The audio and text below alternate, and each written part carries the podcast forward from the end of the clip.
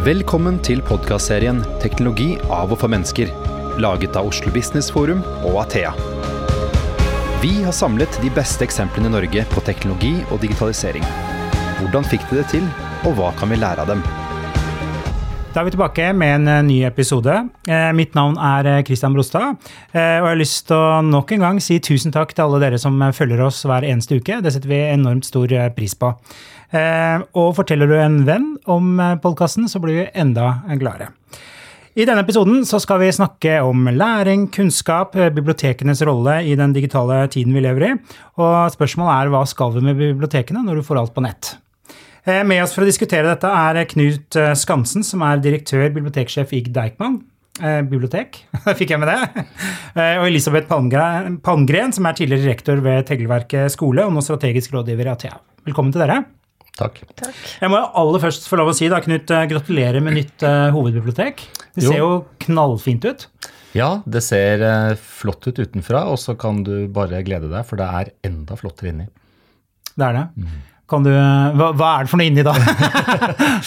Nei, altså eh, Lund Hagemotel i Oslo som har tegnet bygget, de, de, har jo fulgt reguleringsbestemmelsene og vært veldig nøye på at bygget skal stå eh, pent ved siden av operaen og litt respektfullt henvende seg til operaen. Eh, mens når du kommer inn i dette bygget, det er virkelig da det åpner seg opp, både med en helt fantastisk arkitektur, uh, men også et helt nytt innhold i forhold til hva folk forbinder med bibliotek. Bøkene er stadig med oss, men det er store, fantastiske rom og ulike funksjoner for folk som man kan bruke, som man ikke har sett i noen bibliotek i Oslo foreløpig. Mm. Eh, og det er jo en sånn bra overgang egentlig til eh, bibliotekenes eh, rolle. For eh, vi som har levd noen år, da, eh, vi fikk jo bare bøker. Eh, biblioteket. Så konseptet bibliotek mm. har vel endret seg kraftig de siste årene? Ja, de siste, jeg vil si de siste ti, ti årene så har det vært en rivende utvikling. Altså Bibliotek kom jo fra, Ordet bibliotek kom fra gresk og betyr egentlig boklager. Mm. Og det er jo det vi forbinder med bibliotek, egentlig. altså At det er store hus med fulle av bøker, og så er det litt plass til mennesker hvor man kan komme og låne, låne boken, og så går man igjen og tar med seg boken. Men bibliotekene har jo egentlig alltid, helt bak til antikken, vært møteplasser også for mennesker, der folk kommer kommer og snakker sammen og deler kunnskapen sin. Eh, og de, Den funksjonen i biblioteket har bare blitt viktigere og viktigere de siste årene. Og i dag når vi bygger bibliotek, så, så bygger vi ikke lenger boklager. Vi bygger rom og hus for mennesker. Menneskers møter og samtaler, og, og også selvfølgelig bruk av innholdet og mediene. Men vi er veldig opptatt av at eh, boksamlingene får ikke lenger lov å definere rommet. Det er menneskenes behov som definerer hvordan vi bygger bibliotek. Mm.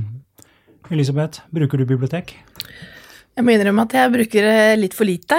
Eh, men jeg er litt opptatt av at eh, barna mine skal bruke det, da. Så det hender jo det at jeg tar med meg dem. Eh, og så skulle jeg ønske at jeg gjorde det enda mer. For jeg vet at det er, en, det er veldig viktig for veldig mange av barn og unge i dag. Eh, og nettopp med tanke på det du snakket om, om, om dette dette møte menneskene imellom, da. Det å skape og bygge relasjoner og eh, Vi ser jo at veldig mye av kommunikasjonen nå foregår digitalt. Det er jo knapt nok så ikke de vet hvordan de skal møte hverandre hvis ikke de har avtalt det via telefon. Så det derre å møte hverandre og skape de møteplassene, og også for ja, vi har jo også en del eh, nyankomne til landet vårt, og, og, og, også for dem å ha disse møterommene i lokalsamfunnene tror jeg blir ekstremt viktig sammen, altså framover. Mm. Ja. ja. jeg tror også det. Og det er eh, en av, de, altså en av de største utfordringene tenker jeg, i samfunnet vårt nå, det er for det første kunnskapsnivået rundt omkring i befolkningen innenfor ulike viktige temaer. Der kan bibliotekene spille en stor rolle. Og så er i de store byene kanskje et av de største problemene i tillegg til klimautfordringer og forurensning, er ensomhet. Mm -hmm. Og det fins så få um, fellesskapsrom igjen i vårt samfunn. Vi har parkene, vi har uh, torgene. Eh, og så har vi bibliotekene, som er gratis og helt terskelfrie og åpne for alle. Og jeg, hvis du sitter på bussen nå, så ser du på en måte du ser 60 eh, mennesker sitte rundt deg med hodet gravd ned i en mobiltelefon. Ja. Det er ingen som snakker sammen. Mens i biblioteket så tror jeg folk begynner å gjenoppdage et sosialt rom. Mm. Uh, og i Oslo har vi hatt en vekst på 39% i besøket i de 23 bibliotekene vi driver de siste årene årene siden 2015. Det er 850 000 flere som bruker biblioteket eller besøker biblioteket i år, sammenlignet med 2015. Det er en voldsom vekst, og det handler om selvfølgelig at vi moderniserer bibliotekene, men jeg tror det først og fremst nå handler om at folk begynner å gjenoppdage eh, det rommet som et sted man kan kommunisere helt analogt og, og treffe hverandre på en helt annen arena enn det man er vant til ellers. Eh, ordet digitalisering, eh, transformering, er liksom ord som brukes i alle andre bransjer. Da. Eh, jeg vet ikke om vi kan kalle det biblioteksbransjen, men jeg våger meg på det. Eh, hva er digitalisering for biblioteksbransjen, bortsett fra at byggene er litt annerledes? Hva, den Hva er de viktigste på, tingene? Den aller viktigste tingen er at biblioteket er mye større enn huset det bor i. sånn at eh, Biblioteket er jo tilgjengelig for deg eh, på alle mulige måter via nett. altså Websiden til Deichman inneholder i tiltagende grad masse ressurser som ikke har vært der før. Du har tilgang til, eh, til veldig mye samlinger, du har tilgang til digitalt innhold. Eh, Så, så det er den kanskje viktigste siden av det, men også når du kommer inn i biblioteket. fordi bibliotek er et, også et juridisk avgrenset rom der vi kan tilby veldig mye digitalt innhold gratis, som koster penger utenfor det rommet. Så, du må logge deg på nettet til biblioteket. ja, Du kan logge deg på nettet til biblioteket og gå inn i det rommet, og der kan vi ut ifra rettighetsforhold rettighetsforhold tilby veldig mye mer innhold enn det vi kan på nettet f.eks., hvor egentlig da det blir veldig dyrt å tilby det. Så, så det er nok en, en ting som jeg tror du kommer til å se framover. Det er at rettighetshavere vil eh, gjøre at det er vanskelig å tilby det åpent, men i det, det avgrensede bibliotekrommet kan du få tilgang til veldig, veldig mye. Det blir på en måte litt eh, Altså at bibliotekene også får en slags medborgerskapsrolle, på en måte. At man, man, eh, man kan jobbe mye med sosial utjevning og, og tilby en del av de Ja, og jeg tenker spennende. Folkebiblioteket som institusjon har egentlig hatt den funksjonen kanskje siden slutten av 1800-tallet. Fra 1860-70-tallet utover så begynner Deichman som bibliotek begynner å få en utjevnende funksjon. Ja. Eh, og den, eh, den er nå viktig også på det digitale feltet. fordi hvis du ser på Dette kjenner du fra, fra skole, skolesiden, tenker jeg. altså Det er veldig stor forskjell på den digitale kompetansen til ikke bare mellom generasjoner, men også mellom barn og ungdom i ulike deler av Oslo. Ja. Så det å tilby også digitale verktøy, digitalt innhold og kunnskap om bruk av digitale verktøy, 3D-printere, plottere, datamaskiner, programvare osv., er viktig for å eh, faktisk jevne ut den digitale kompetansen. S- vi ser jo det at eh, informasjon eh, øker jo ekspansjonelt. Så det blir jo det er enormt vanskelig å orientere seg også i dette kunnskapslandskapet som vi liksom eh, får nå. Så eh, rollen til bibliotekar nå syns jeg liksom er veldig spennende framover. For de, de må jo være ekstremt gode kanskje på det analytiske og på eh, det å være kildekritiske, kritisk tenkende, da. Og også kan kanskje ta den rollen i større grad overfor for barn og unge i dag, men også eldre, kanskje. Eh, og hjelpe dem da i det landskapet, for det ser vi jo at det er, at det er en eh, utfordring i samfunnet vårt i dag. Ja, jeg er helt enig. Og, det, og jeg tenker den eh, eh, altså Kildekritikk er jo også en gammel, en, et gammelt fag for så vidt i bibliotekene, men, men eh, i dag er jo, det er jo nesten uoverkommelig for et eh, folkebibliotek i dag og på en måte kunne tilby en slags total oversikt. Det, det klarer vi ikke, men vi kan tilby en metode, og vi kan tilby en eh, tilnærming til hva kvalitativt god kunnskap er, og hvordan du finner den. både, både digitalt og analogt. Og det har jo egentlig bibliotekarer gjort alltid, men nå gjør de det på et mye bredere felt uh, og, enn det de har gjort før. Og det, det er egentlig vanskelig å sette grensen mellom på en måte det å finne den kvalitativt gode kunnskapen og det å vise folk hvordan de i det hele tatt bruker verktøyene. Det er egentlig begge deler. Så veldig mange av de som kommer til biblioteket, trenger også hjelp til faktisk å lære seg å bruke verktøyene. Bruke en datamaskin, søke på nett. Og det er det jeg syns er så spennende, da, den der flytende overgangen vi kan nå få mellom bibliotek og skole i større grad. For det er jo litt det der å lære å lære som vi er nødt for å ta inn over oss, Ja. både i skole og, og i bibliotekene. bibliotekene. At, at man Ja, det er spennende liksom å, å tenke eh, at fritid og skole liksom nå viskes, det viskes litt ut av disse skillene. For at det, unge i dag lærer nesten like mye på fritida si Ja, ja. som de gjør i skolen. Ja. Så- Men Elisabeth, du jobber jo med skolespørsmål, eh, eh, kunnskap og læring osv. Hvordan ser du eh, biblioteket inn i den konteksten? Hva betyr bibliotekene for læringen på skolen? Altså, er, vi har jo alltid vært veldig opptatt av at barn og unge må ha et sted å kunne gå til. Da, og, og, sånn, og jeg tror nettopp disse møteplassene blir veldig viktige framover. Og, og, det å Den sosiale altså relasjonsbyggingen som også må skje, må, skjer jo også veldig mye på fritiden. Og eh, jeg har jobba mye i Oslo øst eh, og med ungdom som kanskje ikke har hjemmevilkårene til å kunne, kunne gjøre det på hjemmebane. Så det å for dem å nettopp ha disse lokale samlingsstedene. Eh, det blir viktig for oss. Og så må vi kanskje lokke dem litt inn der, da. For det, det har vi jo slitt litt med, med nå. Jeg har hatt samarbeid med Deichman på en skole jeg jobba på før. Og det, det, er hele tiden noe vi må jobbe med, tror jeg. Det å lokke dem inn og finne de der, den balansen mellom de aktivitetene som de syns er spennende og morsomme, som drar dem inn. Når de først er der, så tror jeg de, de koser seg veldig. Mm. Ja. ja, det er enig, og det, og det er jo du kan si det, det, er jo vår strategi hele tiden nå. fordi altså, Hvis du ser på bibliotekbruk, da, så er det ca. halvparten av Oslos befolkning bruker bibliotekene, og den andre halvparten bruker ikke. Og så er det en viss overrepresentasjon av kvinner, egentlig i alle aldersgrupper, og, og en viss overrepresentasjon av innvandrerbefolkningen. Mm. Eh, men eh, f.eks. den gruppen som kanskje er den mest krevende å få inn, er jo yngre, yngre gutter type 12-13 til 18-20-årsalderen, de faller veldig fort ut av biblioteket. Og, så vi jobber med å få de tilbake. og F.eks. på Holmlia, som er ikke så langt fra der du uh, har erfaring fra Oslo-skolen, veit jeg, så, så, jobber vi med sykkelverksted på biblioteket. Så da mekker vi, mekker vi sykler. Ja. Uh, og det er jo ikke for så vidt vår jobb å, å lære gutta å mekke sykler, men vi får det inn og får en relasjon til det, som du sier, altså bygger en relasjon. Og når den først er bygget, så kan vi tilby enda flere aktiviteter som de i utgangspunktet aldri ville kommet for hvis ikke vi starta med sykkelen. Mm. og, så, og, så, kan det være um, inngangen til lesing, læring, mm. uh, annet innhold i bibliotek og aktiviteter og ytterligere relasjonsbygging i forhold til andre i bydelen eller i nærområdet. Så man må bibliotekene har de siste årene lært seg å jobbe mye mer strategisk med å få tak i de som ikke bruker biblioteken. Og grunnen til at vi gjør det, er jo fordi vi vet at eh, tilgang til kunnskap og lesing, altså det at folk leser, det er viktig for ja. senere utvikling i livet sitt. Og eh, bibliotekene er jo demokratisk og kulturelt grunnfjell, kan du si, i mm. samfunnet. Så Derfor er folkebibliotek også lovfestet, for det er en helt fundamental del av demokratiet. Lik og fri tilgang til kvalitativt god, relevant, oppdatert kunnskap og kultur.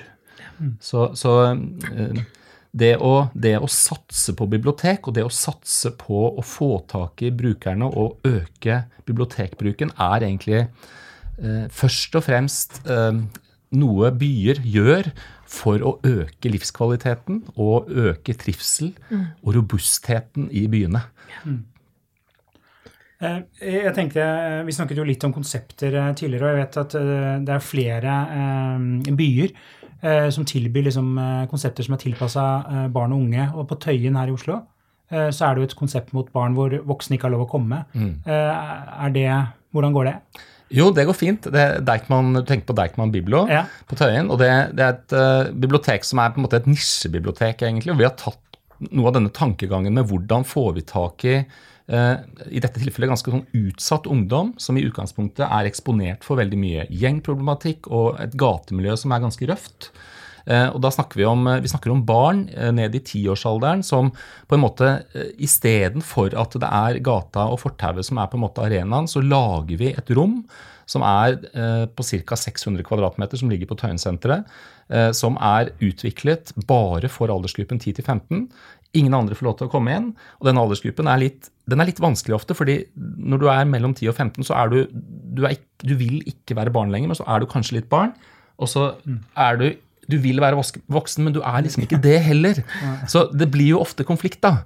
Mens hvis du lar den aldersgruppen få lov til å komme inn i et rom der de er alene, det er ingen voksne, det er ingen eldre og ingen yngre, de tar av seg på beina, må gå inn i sokkelessen, og så har vi litt eh, brødskiver og, og litt saft og litt for å få liksom kontroll på på systemet når de kommer fra skolen, og de får roa seg litt ned, så blir de som lam og eh, koser seg. Og vi driver med læring og aktiviteter og, og, og verksteder og, så sier da noen kanskje ja, men dette er jo ikke bibliotek, det er en fritidsklubb. Nei, det er det ikke. Fordi vi jobber hele tiden i alle disse sammenhengene med boka, lesing, og understøtte det bibliotekene er til for, nemlig å fremme kunnskap og, og kultur. Mm. Så Det har vært en stor suksess, og biblioteket har vært nominert til flere priser. og Folk reiser fra hele verden for å, for å besøke det. Ja. Vi så jo faktisk effekten av det på, da jeg var rektor på Teglverket òg. Ja. Eh, fordi at veldig mange av våre barn brukte jo det biblioteket på ettermiddagen. Ja. Eh, og den, det der å få lov til å komme et sånt sted og finne roen der sammen med andre jevngamle, det, det, er eh, utrolig viktig også for den læringa mm. som skjer på skolen dagen etter. Mm. Eh, fordi at du har Ja, du, du får lov til å, å Uh, utforske ting du kanskje syns er spennende i et trygt miljø, da. Ja. Uh, og, og, i lokaler som på en måte er innafor uh, mm. ja, mm. det vi også tenker på som viktig, da. Kultur og kunst og, ja. og lesing, ikke minst. og apropos det med lesing, jeg er litt opptatt av det der, for det er jo så mye snakk om det der med skjerm, ikke skjerm, og i mm. forhold til lesing, og vi fikk noen PISA-undersøkelser nå som, som viste at det ikke Eh, vi leser ikke så bra lenger, eh, særlig guttene. Mm. Eh, men så tenker jeg òg at det er, forskjell på vi snakker litt for mye om skjerm, ikke skjerm, og ikke på strategien for lesing. Mm. For én ting er å lese liksom, på papir, en annen ting er å lese på skjerm. Ja. Er det en rolle også bibliotekene er med på å ta litt? At vi lærer elevene liksom, de ulike strategiene, for, for vi mm. skal jo lære de begge deler. Ja, og det, og det er et dilemma dette her, fordi vi vet jo at, eh, at eh, lesingen i aldersgruppen 14 til 18 f.eks. Eh, altså bibliotekbruken i aldersgruppen 14 til 18 går ned. Og, og utlånet går ned. Og det er mange teorier på det, men, men en, en, mulig teori er jo at denne aldersgruppen begynner å bli veldig visuell i måten den opptar seg kunnskap på. Altså de ser på YouTube og, og den type kanaler. Eh, og de, de, eh, lytter. Altså lydbøker er på full fart inn. Og så vet vi at det å lytte til en lydbok er for så vidt det er greit, det. Men det er noe helt annet enn det å faktisk lese. Du, du, det er andre prosesser, rett og slett. Uh, ikke noe galt i å lytte, men, men, det som er vårt store dilemma nå i, i folkebibliotekene og biblioteksektoren, er jo at vi, vi tilbyr 90% analogt innhold fortsatt. Og igjen pga. rettighetsproblematikk, egentlig, og forlagenes, uh, vil jeg si, da, kanskje litt spissformulert, fremdeles noe sånn angstbiterske eh, holdning på at de vil holde det digitale materialet tilbake. Det er veldig dyrt for bibliotekene å kjøpe det i forhold til analogt materiale. og det er Burde det vært omvendt, tenker jeg. Ja, altså det, Deres argument vil jo, sånn som jeg forstår det, ofte være at de er i en oppbyggingsfase med ny teknologi, og at sånn sett så er det, er det viktig for de å, å, å, ha kontroll på på en måte distribusjonen sin kommersielt. Og det er klart Bibliotekene, som er et gratistilbud, vil jo kunne representere en trussel mot, mot for så vidt da distribusjonen, men jeg mener at de og det, For lydboka, som da inntil for et halvt år siden var det faktisk umulig for oss å låne ut lydbøker.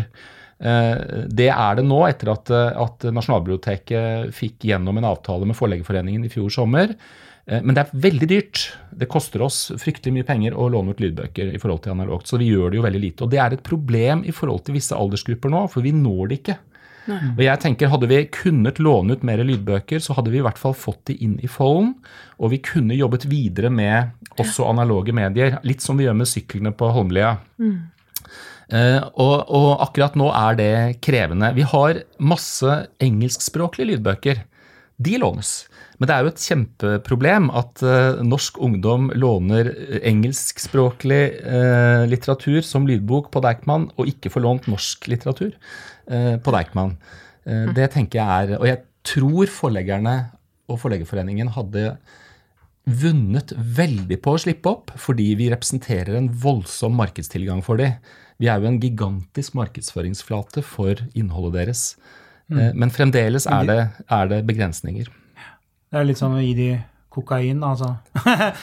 Skjønnlitterær kokain, og så blir de hek hekta, og så kjøper de eh, så enkelt, det, er, det, det, er egentlig det. Det er egentlig så enkelt, for er du først hekta, så, så er du i gang mm. med lesingen. Da kommer du inn i leseløpet, og, og, det varer gjerne livet ut. Så det å det å på en måte ikke satse på barn og unge i forhold til lesing, det er en veldig dårlig strategi for samfunnet, og det er en fryktelig dårlig strategi for, for forleggeriet og alle som lever av å gi ut bøker.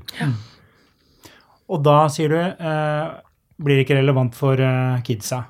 Fordi at dere ikke kan tilby alt dette? Er det det du sier? Ja, det er, det er i hvert fall mye mer krevende for oss. Ja. Altså, Vi jobber jo vi jobber helt ned i barnehagealder vi, med, med lesestimulering, og er inne i Oslo-skolen også.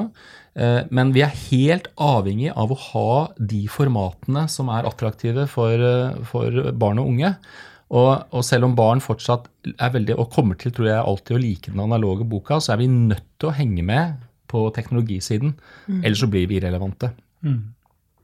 Eh, Elisabeth, du var så vidt inne på det i stad, dette med, med kildekritikk og liksom ferdigheter som eh, unge trenger, og som du er borti de problemstillingene eh, på, på skolen. Eh, hvordan kan eh, eh, For det er litt sånn håpløs oppgave. Vi, vi, altså det velter jo ut med informasjon, og det er mye fake news, deepfake, alle de tingene der. da. Eh, hva, hva er det man kan gjøre for å liksom gjøre folk, spesielt barn og unge, da, eh, mer eh, bevisste og mer kritiske i forhold til det de leser? Ja, det er en viktig treningssak, og det er noe som kanskje skolen må ta et veldig stort ansvar for, men gjerne sammen med biblioteker og andre fritidsaktiviteter. Vi ser jo faktisk, det var en undersøkelse, jeg husker ikke helt hvem det var, men det var eh, unge i dag er faktisk flinkere enn eh, den eldre generasjonen til å være De, de spotter veldig raskt hva som er fake news og ikke, i forhold til, til den eldre generasjonen.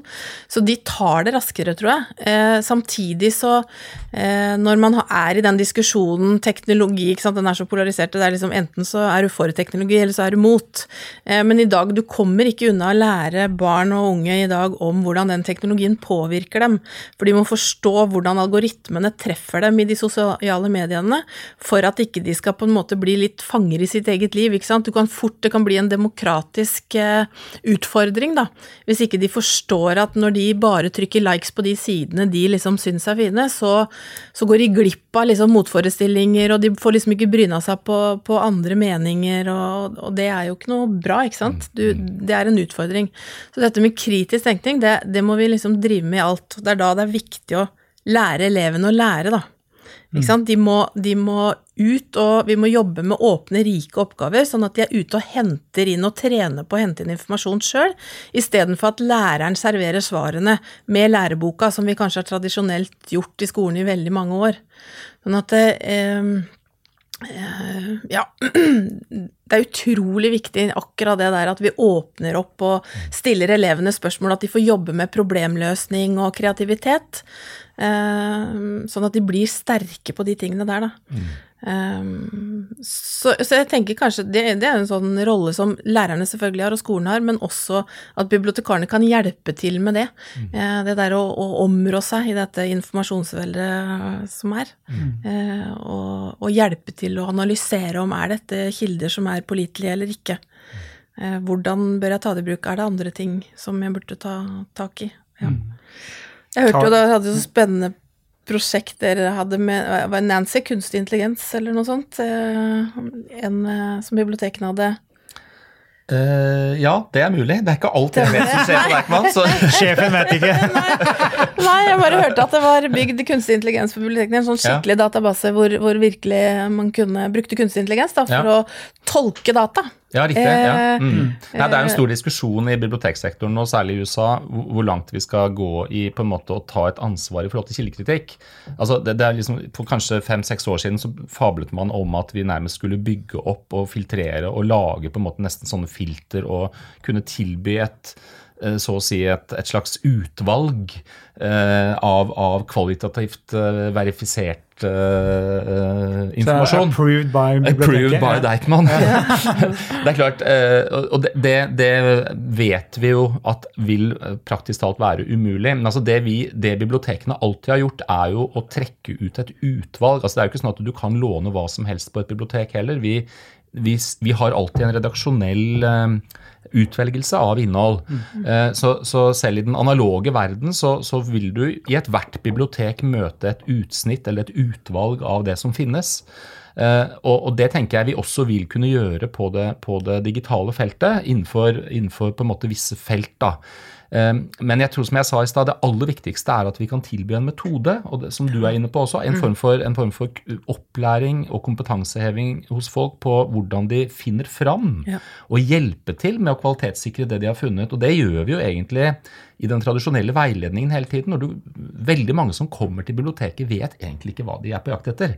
Det er først når de kommer inn og begynner liksom å orientere seg og gresse langs hyllene og se hva som fins. Nesten som en sånn Netflix-opplevelse. Vet Ja, ikke hvilken film de ja, skal det, er, det er litt det samme. Og da, og da kommer de jo fort i kontakt med oss, og da, da vil jo vi komme med noen anbefalinger. Og det gjør vi også nå på nettsidene våre. Vi anbefaler ting. Og det er jo ut ifra at vi har oversikt over et fagfelt. Vi har jo 300 ansatte på Deichman, så vi har jo en bred vifte av kompetanser som på en måte kan anbefale og kan innenfor sitt område si at ok, nå er dette kanskje det mest interessante innenfor dette feltet. Og her har du to ulike standpunkter innenfor dette feltet som på en måte diskuterer mot hverandre og peker på sånne ting. Så, eh, så det å gjøre det kan vi og skal vi, men, men jeg tror det er viktig samtidig å besinne oss på at vi kan på en måte ikke representere en sånn uttøpt, uttømmende sanntidsfiltrering av alt som finnes. Det, det tror jeg knapt noen kan.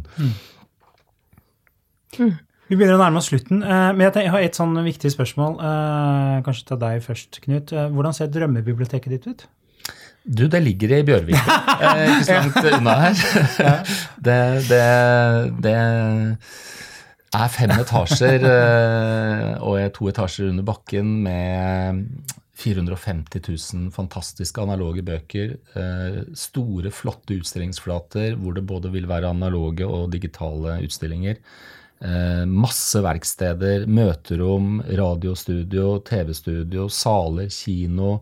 Eh, Et vell av verktøy, digitale verktøy, plottere, 3D-printere, laserskjærere, eh, symaskiner, eh, hvor du kan komme og ikke bare være mottaker fra en tradisjonell kulturinstitusjon.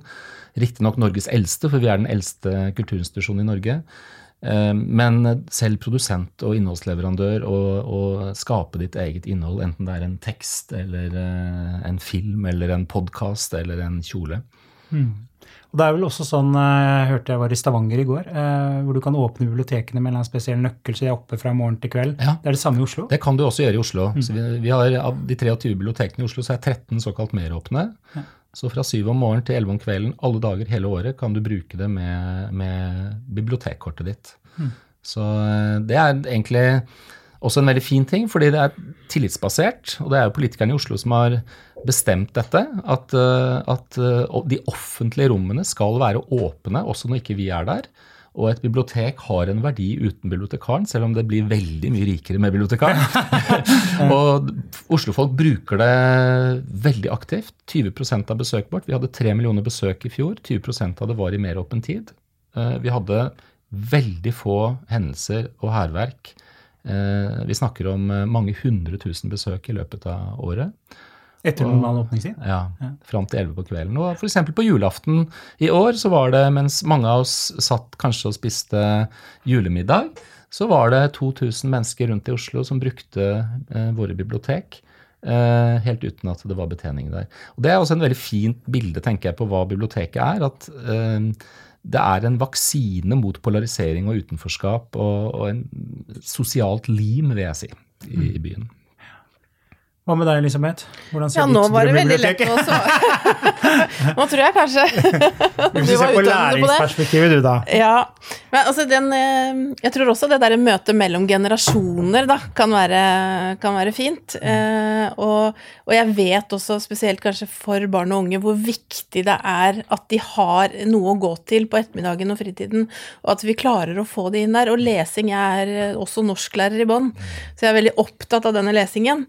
Eh, og vi må lære de å lese både på papir og på skjerm. Eh, og så gjerne med lydstøtten, selvfølgelig. For da tilgjengeliggjør vi læring for flere av elevene våre. Eh, og det tror jeg blir ekstremt viktig framover, at vi, at vi holder fokus på det.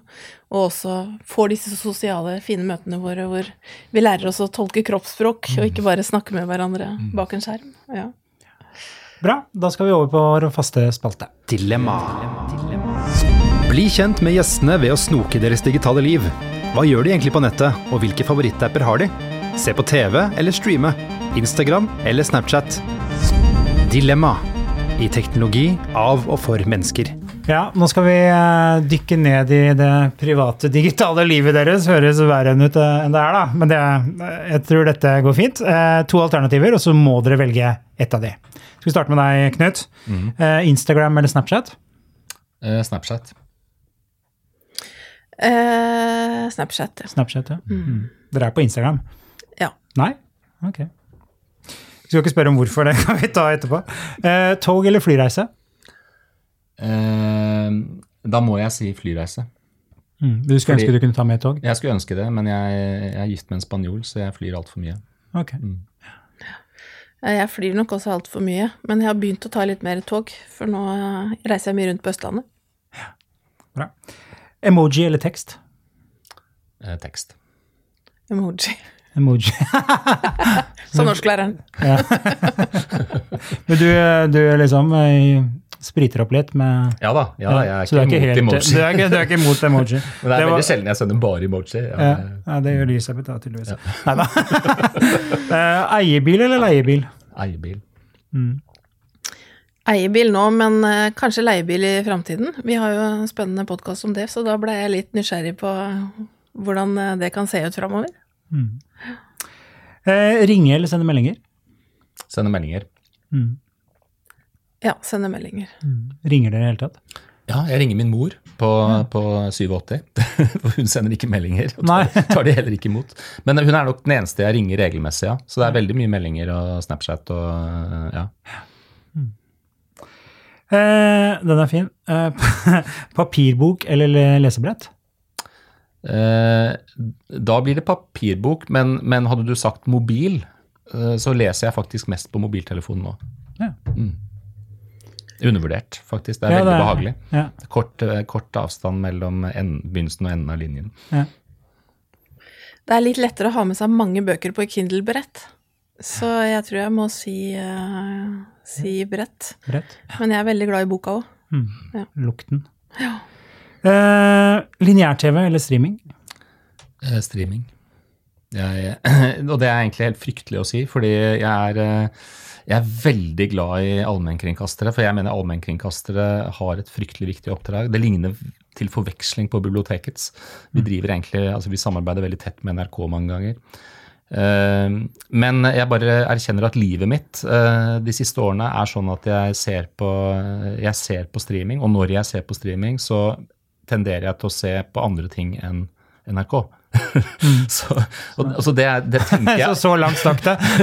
så, så, jeg, er veldig, jeg er veldig opptatt av at NRK skal vinne denne kampen om TV, eller allmennkringkasteren skal vinne, men jeg ser at min egen bruk er i endring. Det er veldig, jeg er veldig, jeg tenker mye på det. Eh, NRK er flinke på streaming. De er veldig også. flinke på streaming, Ja. og det er det. Mm. Elisabeth? Ja, det blir eh, streaming, ja. Jeg er en evig tidsoptimist. Jeg rekker aldri et klokkeslett på sånt. Det er, eh, er ikke til stede når det skjer. Da har vi tredje siste. Eget kamera eller mobilkamera? Mobilkamera. Du har uh, sperrerefleks? Nei. Nei, jeg har, jeg, har bare Polaroid, mobilkamera. eller hva det heter? Mobil. Mobil, ja. ja. Eh, radio eller podkast? Eh, begge deler. Begge deler, vil jeg si. Det er ikke lov å si. Nei, det er ikke lov å si. Jeg må velge noe, da må jeg si radio. Jeg hører nok mer radio. ja. Podkast. Podcast. Ja. Siste. Eh, nyeste mobil eller bytte når den ikke funker lenger? Eh, når den ikke funker lenger. og det, Da er den som regel så herpa at eh, noen tvinger meg til å bytte den. Elisabeth? Ehm, det var ikke lov å si noe midt imellom. Nei. Da blir det jeg bytter når den ikke funker lenger. Jeg bytter annethvert annet år eller noe. Eller dra på Deichman på, eh, på folkeverkstedet og få noen til å hjelpe deg å reparere den. Og det er bra. Der, Det er bra. Miljømessig også. Ja. Knut, Elisabeth, tusen takk for at dere kunne være med, og tusen takk til deg som har lyttet på. Du har nå lyttet til podkasten 'Teknologi av og for mennesker', laget av Athea og Oslo Business Forum. Følg oss i sosiale medier og på nettsiden vår athea.no. slash podkast. Vi setter utrolig stor pris på om du gir podkasten en vurdering i iTunes.